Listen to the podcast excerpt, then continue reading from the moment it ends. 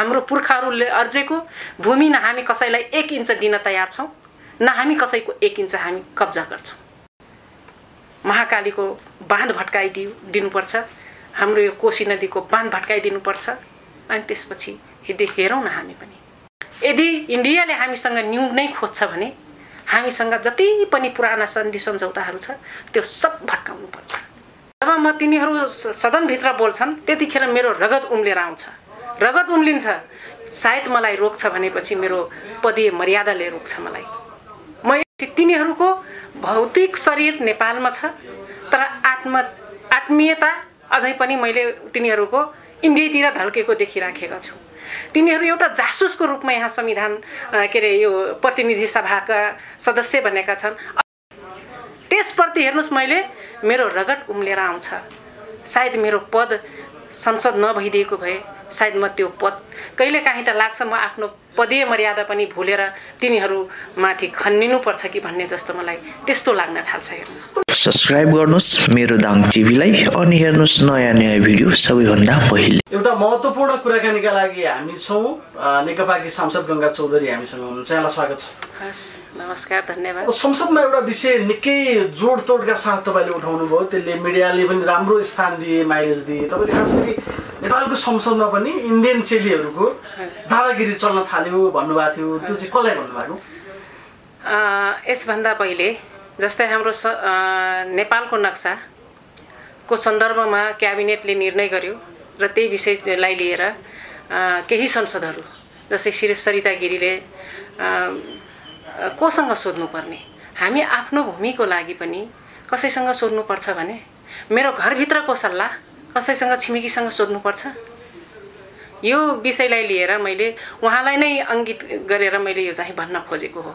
अहिले पनि मैले के भन् कुन अर्थमा भनेपछि एउटा सदनभित्र एउटा विदेशी चेलीले भारतीय चेलीले त्यत्रो दादागिरी देखाउने अनि हाम्रो चेलीले आफ्नो श्रम बेच्न सकिन्छ आफ्नो मेहनतबाट कमाउन सकिन्छ तर आफ्नो राष्ट्रियता बेच्न सकिन्न। भन्दाखेरि उहाँलाई खेदो घन्ने उनको देशको मान्छे अनि हाम्रो देशको संसद बनाएर महत्त्वपूर्ण भूमिका खेल्न निर्वाह गर्न दिने भन्ने पक्षलाई लिएर मैले चाहिँ बोलेको थिएँ। हजुर अब ठ्याक्कै यही विषयमा मान्छेले कम्पाइल गरेर पनि हेरिरहेको छन् होइन सरिता गिरिजीले जे संसदमा बोल्नुहुन्छ एकपटक मात्रै पटक पटक अलिकति बढी उतै उतैतिरको माया लाग्ने गरी बोल्नुहुन्छ। होइन मान्छेले भन्दाखेरि चाहिँ साँच्चै मान्छेलाई चाहिँ माइतीको बढी माया लाग्दो रहेछ क्या हो? हजुरको हजुरको क्वेसन एकदम जायज हो। मलाई त यहाँसम्म लाग्न थाल्यो। जब म तिनीहरू सदनभित्र बोल्छन् त्यतिखेर मेरो रगत उम्लेर आउँछ। रगत उम्लिन्छ। सायद मलाई रोक्छ भनेपछि मेरो पदीय मर्यादाले रोक्छ मलाई। म यस्तोसम्म म पुग्छु। तर मैले के देखिराखेको छु भनेपछि तिनीहरूको भौतिक शरीर नेपालमा छ तर आत्म आत्मीयता अझै पनि मैले तिनीहरूको इन्डियातिर धल्केको देखिराखेका छु। तिनीहरू एउटा जासुसको रूपमा यहाँ संविधान के अरे यो प्रतिनिधि सभाका सदस्य बनेका छन्। अझै पनि जस्तै संविधान संशोधन आएको छ नि। संविधान संशोधन एउटा नक्सा र त्यो हाम्रो त्यो सच्याउने सन्दर्भमा आएको छ होइन? तर मैले के भन्न चाहन्छु भनेपछि म नेपाल सरकारको म मेरै आफ्नै सरकारको नेतृत्वमा अहिले सरकार छ मेरै पार्टीको नेतृत्वमा म के अनुरोध गर्न चाहन्छु भनेपछि अझै पनि जस्तै संविधानको संविधानको धारा संविधानको धारा दुई सय उनानब्बेमा जुन नागरिकता सम्बन्धी व्यवस्था लेखिएको छ। त्यसमा मैले के भन्न चाहन्छु भनेपछि त्यो त्यसमा पनि संशोधन गर्नुपर्ने देखिन्छ।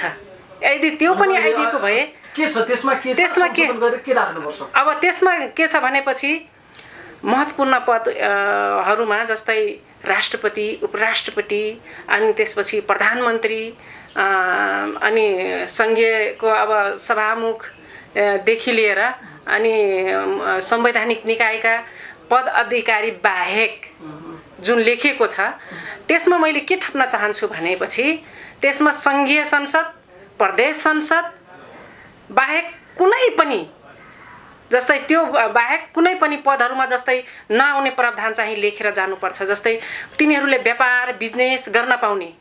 नत्र हामीले विदेशी ज्वाइँलाई विदेशी चेलीहरूलाई ल्याएर तिनीहरूलाई नागरिकता दिने र राज्यको प्रमुख पदमा ल्याएर तिनीहरूलाई यदि हामी गऱ्यौँ भनेपछि सट्टै तिनीहरूले त हाम्रो देश रातारात बेच्न सक्छन्। रातारात हाम्रो संविधान नागरिकताधारीहरूका लागि चाहिँ त्यो वञ्चित गर्नुपर्छ।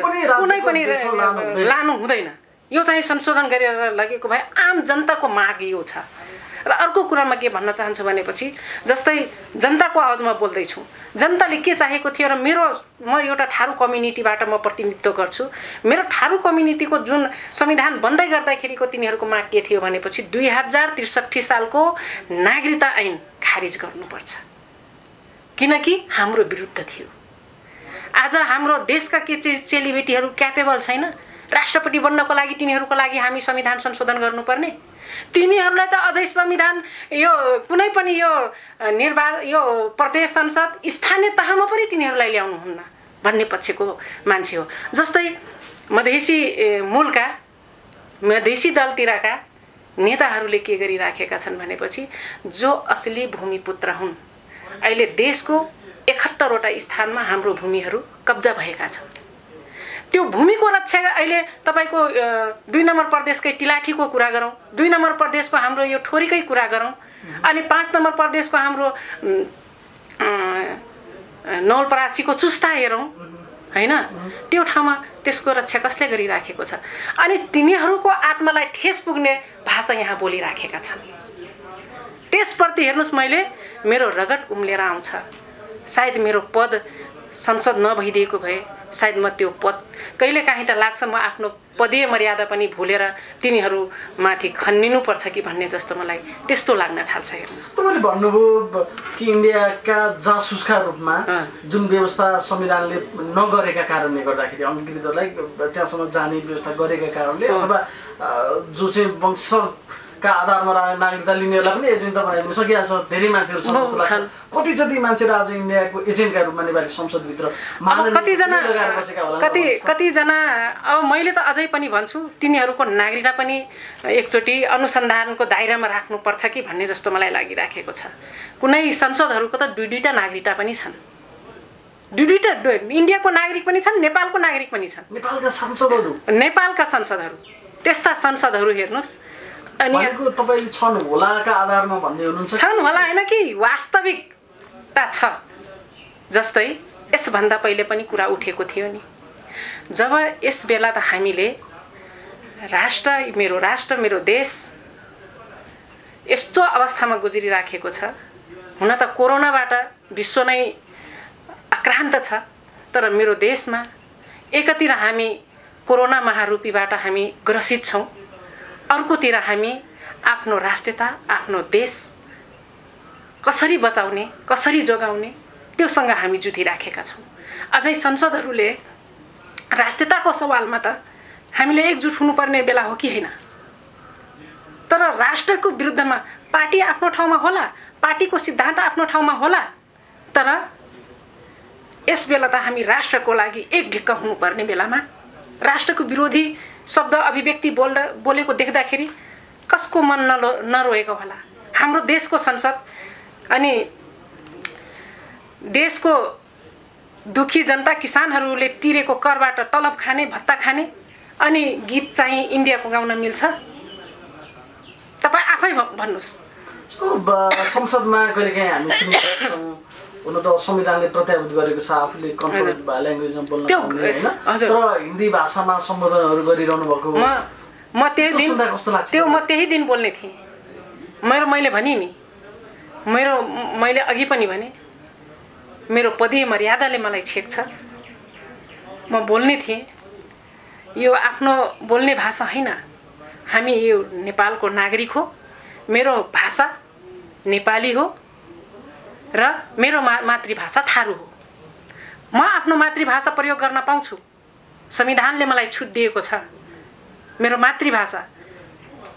तर हामीले सबैजनाले बुझ्ने किसिमको हामी नेपालमा बोलिने नेपाली भाषा हामीले बोल्नुपर्छ। म अझै कुरा के भन्न चाहन्छु भने म त्यो दिन प्रश्न गर्ने थिएँ।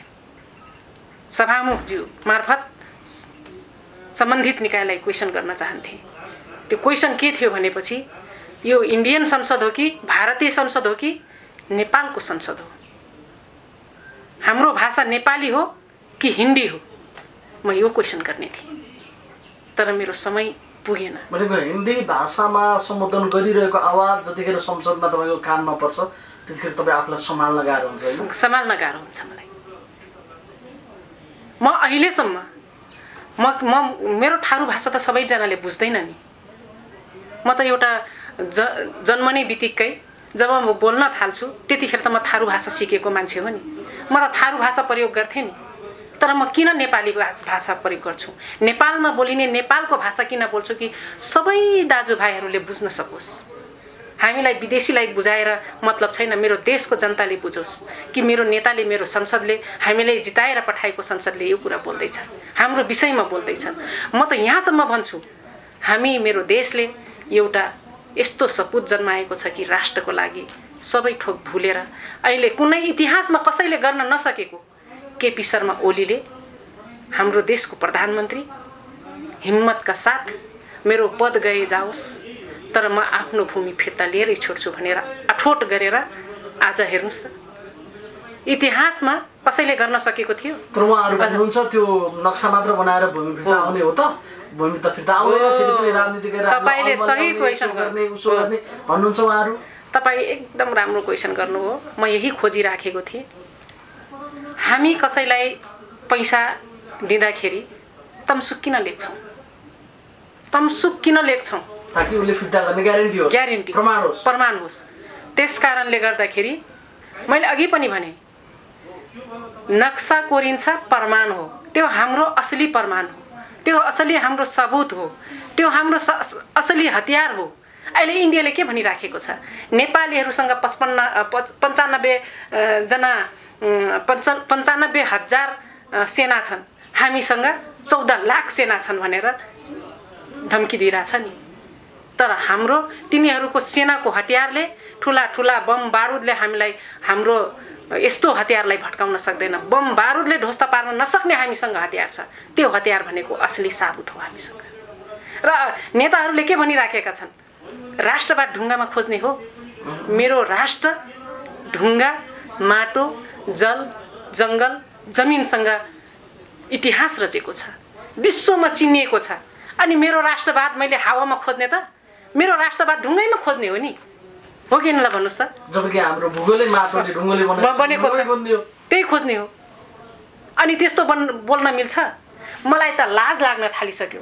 यिनीहरू नेपालका संसद हुन् कि भारतीय दलाल हुन्? यहाँसम्म लाज लाग्छ हेर्नुहोस्। कसरी उहाँहरूको चिन्ता जोतर्फ तपाईँले इङ्कित गरिरहनु भएको छ। अब यस कारणले गर्दा नेपाल भारत सम्बन्ध बिग्रिने भयो भारत हामीसँग चिडिने भयो। अब के गर्छ कसो गर्छ संवादमै जान्छ छलफलमै जान्छ भने होइन। संवादको लागि त हाम्रो यहाँबाट कति पत्रहरू पठाए। कुटनीतिक तरिकाले छलफल गरौँ बहस गरौँ भनेर कति पटक पठायो। हामी पनि लडाइँ चाहन्न। लडाइँ हामीलाई पनि रहर छैन। गौतम बुद्ध जन्मेको शान्तिका अग्रदूत गौतम बुद्ध जन्मेको देशको हामी बासिन्दा हो। हो कि ल भन्नुहोस् त। त्यस कारणले गर्दाखेरि हामी शान्ति चाहन्छौँ। शान्ति चाहन्छौँ। अनि उसले हामीलाई छिमे छिमेकी हो। छिमेकीको रूपमा बस्नु पर्यो। हामीलाई भाइचाराको नाता नदिए पनि हुन्छ। हामी भाइ होइन दाई हो। दुई सय वर्ष पुरानो हाम्रो इति दुई सय वर्ष हामी ऊभन्दा ठुलो छौँ हामी। अनि हामीलाई भाइ भन्न सुहाउँछ। भोलि भौगोलिक रूपले हामी क छोटो होला। तर हाम्रो सार्वभौम सत्ता सर्वसम्पन्न देश हाम्रो नेपाल हाम्रो नेपालको इतिहास छ। हाम्रो पुर्खाहरूले अर्जेको भूमि न हामी कसैलाई एक इन्च दिन तयार छौँ न हामी कसैको एक इन्च हामी कब्जा गर्छौँ। र अर्को कुरा यदि इन्डियाले हामीसँग न्यु नै खोज्छ भने हामीसँग जति पनि पुराना सन्धि सम्झौताहरू छ त्यो सब भट्काउनुपर्छ महाकालीको बाँध भट्काइदिउ दिनुपर्छ। हाम्रो यो कोशी नदीको बाँध भट्काइदिनुपर्छ।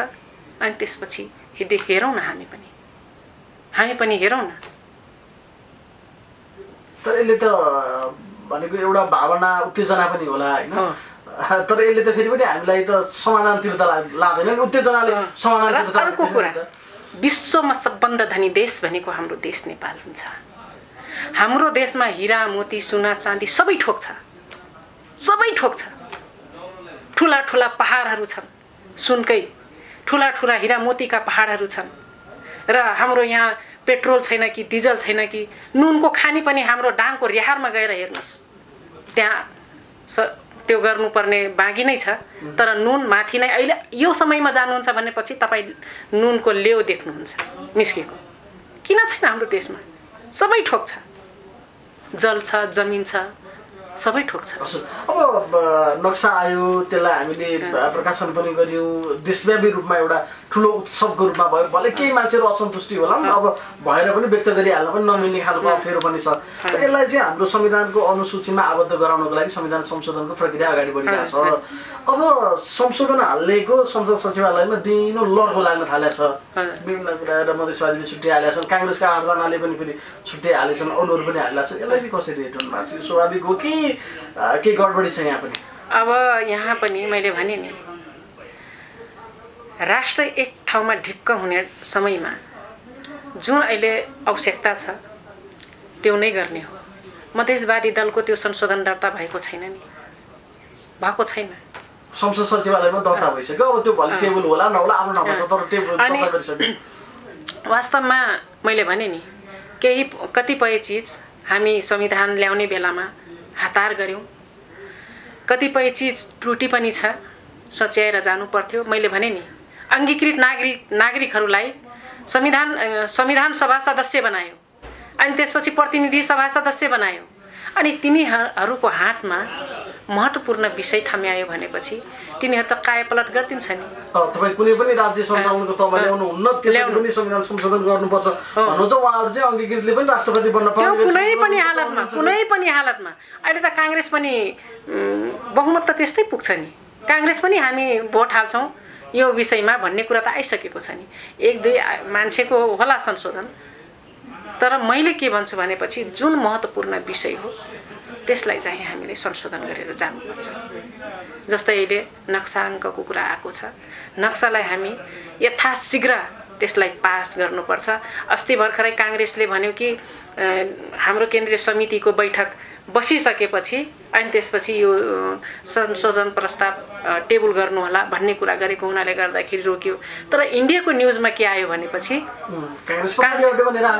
काङ्ग्रेस होइन सरकार पछि हट्यो। सरकारै पछि हट्यो भन्ने कुरा आएपछि अनि कस्तो हाम्रो खिलाफमा बोलिराखेको छन् एउटा अर्णव मुखर्जी छन् कि के नाम हो अर्णव भन्ने छ। त्यो यस्तो कि हामी पुरै नक्सै नक्सै हामी पुरा नेपाललाई पुरै गोस्वामी। गोस्वामी हो।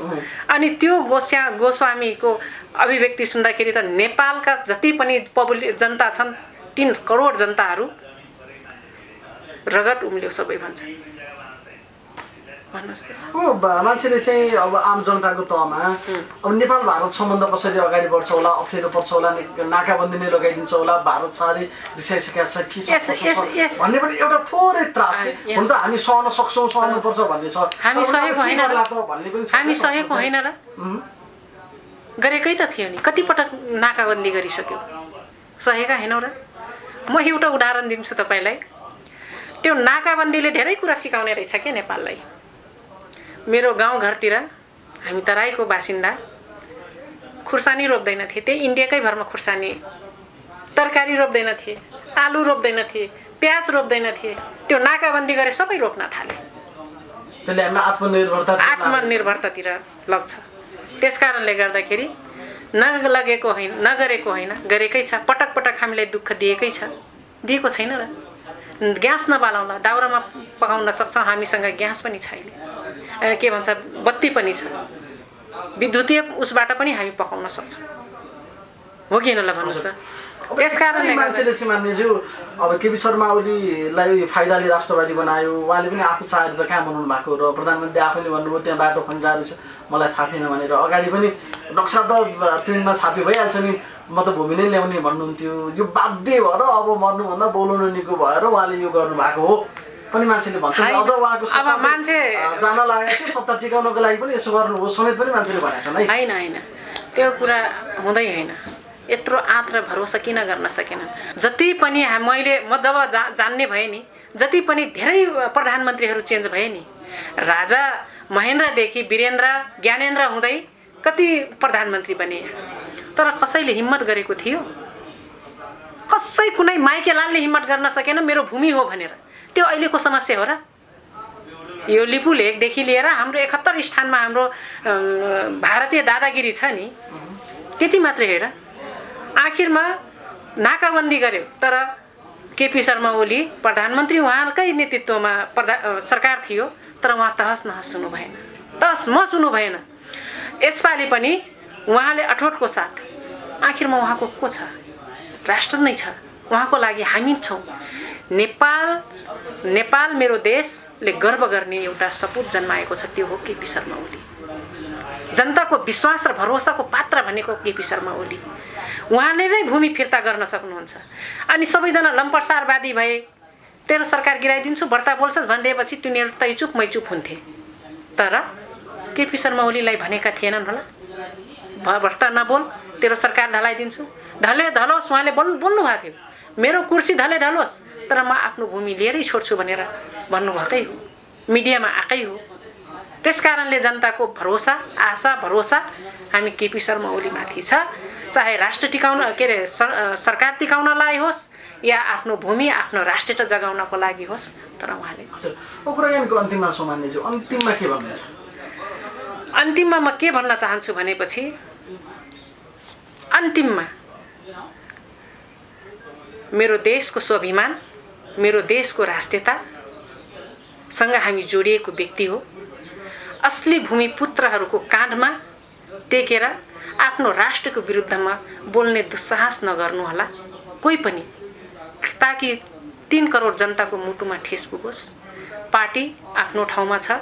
हामी राष्ट्रको लागि एकजुट भएर सबैजना राष्ट्र सरकार गल्ती गरिरहेछ भने हाम्रो सुझावको पनि खाँचो हुन्छ उत्तिकै महत्त्वपूर्ण हुन्छ।